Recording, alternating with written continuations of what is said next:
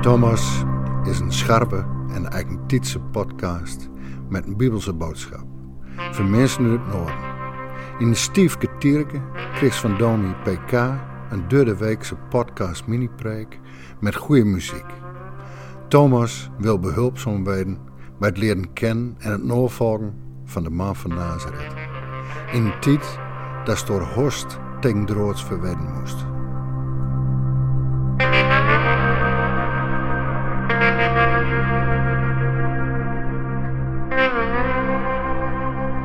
Waar kan jij naar verlangen? Is dat een leuke baan na je studie om je door te ontwikkelen? Een mooi vrijstaand huis buiten het dorp? Een onbezorgde oude dag zonder pensioentekort? Een gelukkig gezin waar je mee op vakantie kunt? Of misschien meer waardering van de mensen om je heen voor wat je doet? Jij en ik kunnen echt naar van alles verlangen. Die verlangens geven bewust of onbewust richting aan je leven en kunnen soms ook onrust geven. Vaak geven ze namelijk niet de volmaakte voldoening die je zoekt. Zou het niet fijn zijn wanneer je minder bezig bent naar dat waar je zo naar verlangt, zodat die meer rust en tevredenheid kunnen geven? Maar hoe doe je dat? Hoe kan je je verlangens richten op dat wat echt belangrijk en blijvend is? In deze podcast sta je even stil bij het verlangen van de dichter van Psalm 84. Met hart en ziel verlangt hij ernaar om bij God in zijn huis te zijn. De dichter gelooft dat God de verlangens van je hart kan vervullen. In deze podcast leer je met hem meezingen en bidden. Je zal merken dat dat niet vanzelf gaat, maar dat je in Gods huis uiteindelijk wel op je plek bent. Het thema bij deze podcast is verlangen naar God.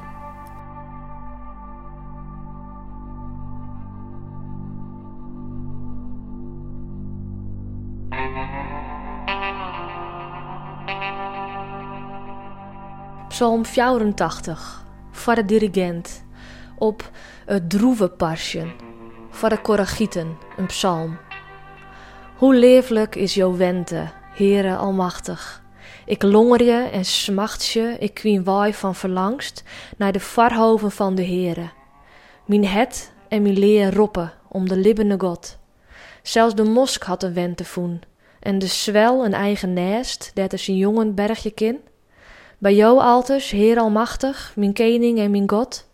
Lokkig dit in jou hoes je. Ja kinnen jou alloon de loftas jongen. Lokkig hij dit zijn krijft in jou vindt, als er het pilgerpaad gaan wil. De meesken die tro de twarre bakkadelling matten, maait je er een oade van wetterwellen van. Uit iere buien rijnt er zegendel.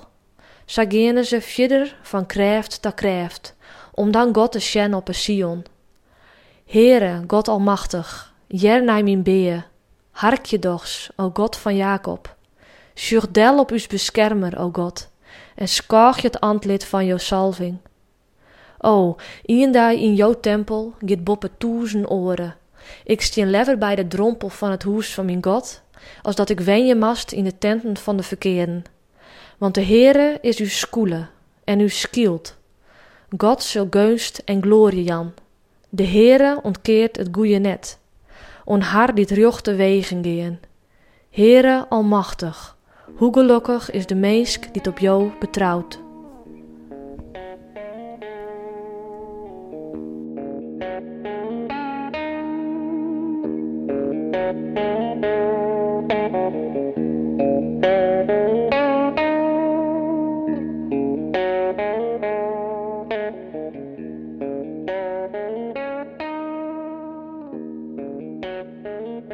Dichter van Psalm 84 is in deze psalm druk in gesprek met zichzelf.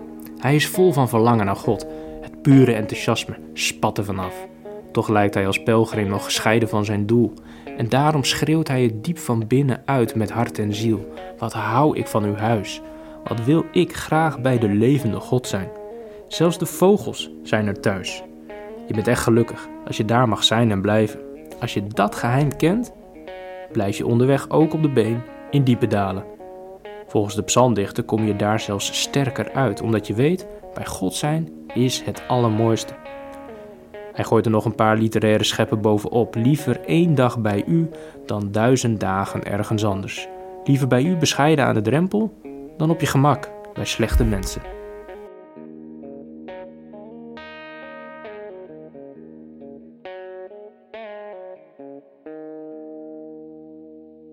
Maar wie is die enthousiaste bidder eigenlijk? Nou, dat is zo makkelijk nog niet om te achterhalen. Het kan een uh, doorsnee pelgrim zijn op weg naar Jeruzalem.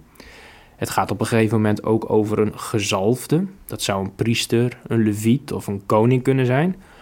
Of misschien is het een van de koragieten die in het opschrift van de psalm genoemd worden. Maar de kracht van deze psalm is eigenlijk dat het profiel van de bidder vaag blijft. Hierdoor blijft het ook een uitnodigende meezinger voor iedereen. Maar waarom is die psalmdichter zo enthousiast over Gods huis? Volgende vraag. Dat is omdat God de tempel in Jeruzalem heeft uitgekozen om onder zijn volk te wonen.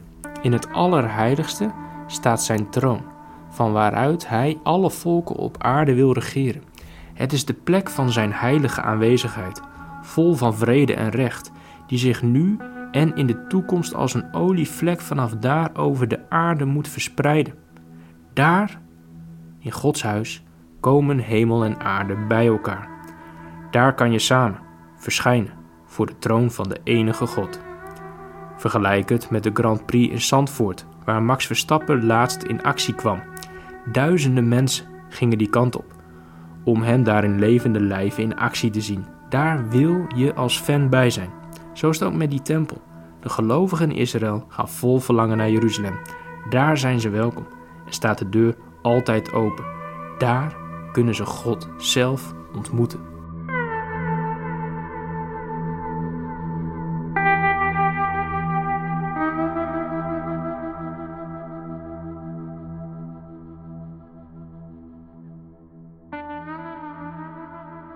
Maar wat kan je vandaag met Psalm 84? Hoe kan je deze psalm vandaag meezingen?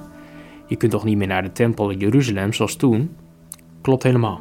Maar het goede nieuws is dat deze psalm toch actueel is en opnieuw werkelijkheid kan worden. Ook vandaag kan je bij God zijn en raken hemel en aarde elkaar aan in Gods huis, ook wel bekend als de kerk. Dat hoeft niet direct spectaculair te zijn. Vaak ervaar je het ook niet zo, maar het is wel het wonder van wat daar gebeurt. Om dat voor vandaag mogelijk te maken is er wel het een en ander veranderd. In het Oude Testament stond Gods troon in een afgesloten ruimte met een dik voorhangsel ervoor. Alleen de hoge priester mocht daar één keer per jaar naar binnen. Het bloed van offers was nodig om de weg tussen God en zijn volk vrij te houden. Voor jou en mij is dat anders. Want Jezus Christus is offerlam en priester tegelijk. Dankzij zijn dood is het voorhangsel van boven naar beneden gescheurd en heb je wereldwijd toegang tot de Vader. Door hem ben je volgens ene Paulus geen gast meer, maar huisgenoot van God. Door de Heilige Geest groeit er wereldwijd een tempel van levende stenen. Gods huis is tegenwoordig daar, waar twee of drie mensen in Jezus' naam samenkomen. Je bent welkom bij de Vader, die je daar waar Hij gediend wordt tegemoet komt en met twee armen omhelst. De ene arm is de Zoon die je thuis laat komen bij de Vader, en de andere is de Geest die in je hart wil wonen. De apostel Johannes zegt zelfs dat God in Jezus als een tabernakel, de ontmoetingstent van Israël in de woestijn, onder mensen heeft gewoond. Op die manier gaat Psalm 84 opnieuw voor je leven. Als je deze psalm nu meeprevelt, gaat het over Jezus en over de gemeente waar je dankzij Hem en door de Geest overal op aarde bij God mag zijn.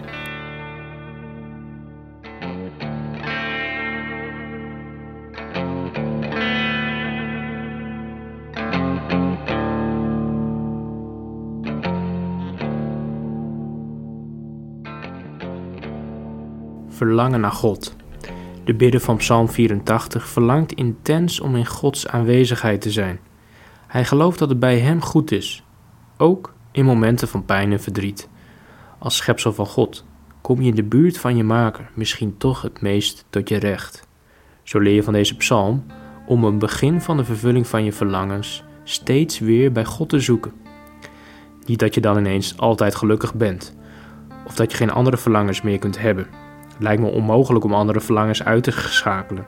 Dat hoeft ook niet. Maar je kunt het verlangen naar God wel voeden en trainen. En dat begint bij de moeizame erkenning dat je bij God pas echt thuis komt.